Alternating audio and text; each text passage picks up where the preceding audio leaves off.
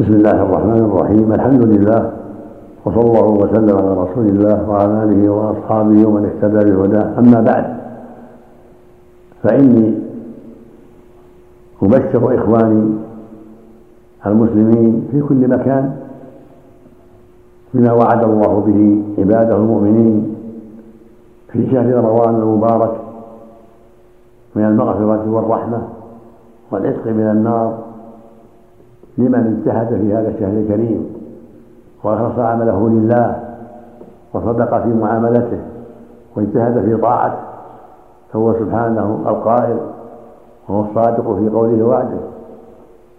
من صام رمضان إيمانا واحتسابا غفر له ما تقدم من ذنبه. وهو القائل صلى الله عليه وسلم من قام رمضان إيمانا واحتسابا غفر له ما تقدم من ذنبه. هو القائل عليه الصلاة والسلام من قام ليلة القدر إيمانا واحتسابا غفر له ما تقدم من ذنبه. فوصيتي للجميع تقوى الله عز وجل في كل وقت. وفي هذا الشهر بالوجه الأخص لأنه شهر تضاعف فيه الأعمال الصالحات. والله جل وعلا يجود فيه على عباده. فينبغي المؤمن والمؤمنة الاجتهاد في هذا الشهر الكريم بأنواع الطاعات.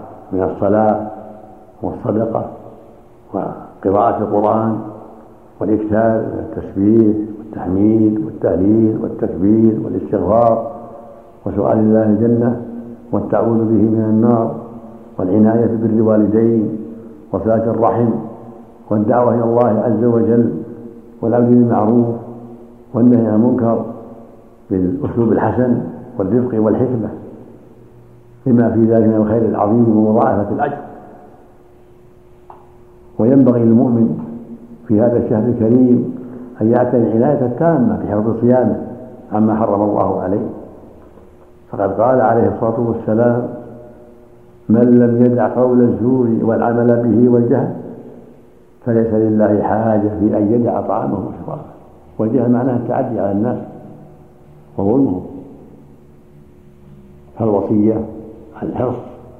كل الحرص على حفظ الصيام والقيام من جميع المعاصي من الغيبة والنميمة والكذب وظلم العباد في نفس أو مال أو عرض والعقول الوالدين أو أحدهما وقطيعة الرحم وأكل الربا وسائر المعاصي. عليك يا عبد الله وعليك يا أمة الله الحرص والاجتهاد في حفظ الصيام عما حرم الله. والإكثار في هذا الصيام وفي ليالي الصيام من كل عمل صالح. وذلك بالإكثار من قراءة القرآن بالتدبر والتعقل والإكثار من التسبيح والتحميد والتهليل والتكبير والاستغفار وتعليم الناس الخير وإرشادهم إليه وتحذيرهم من كل ما يخالف أمر الله. والإكثار من الصدقة على الفقراء والمساكين إلى غير هذا من وجوه الخير.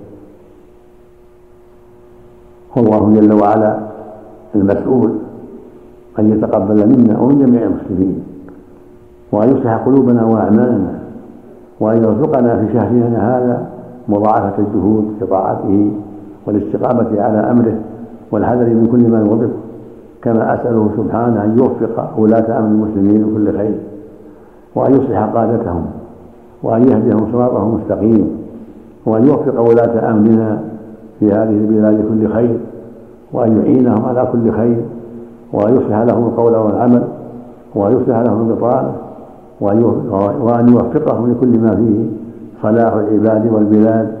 إنه سبحانه جواد كريم وصلى الله وسلم وبارك على عبده ورسوله نبينا محمد وعلى آله وأصحابه وأتباعه بإحسان.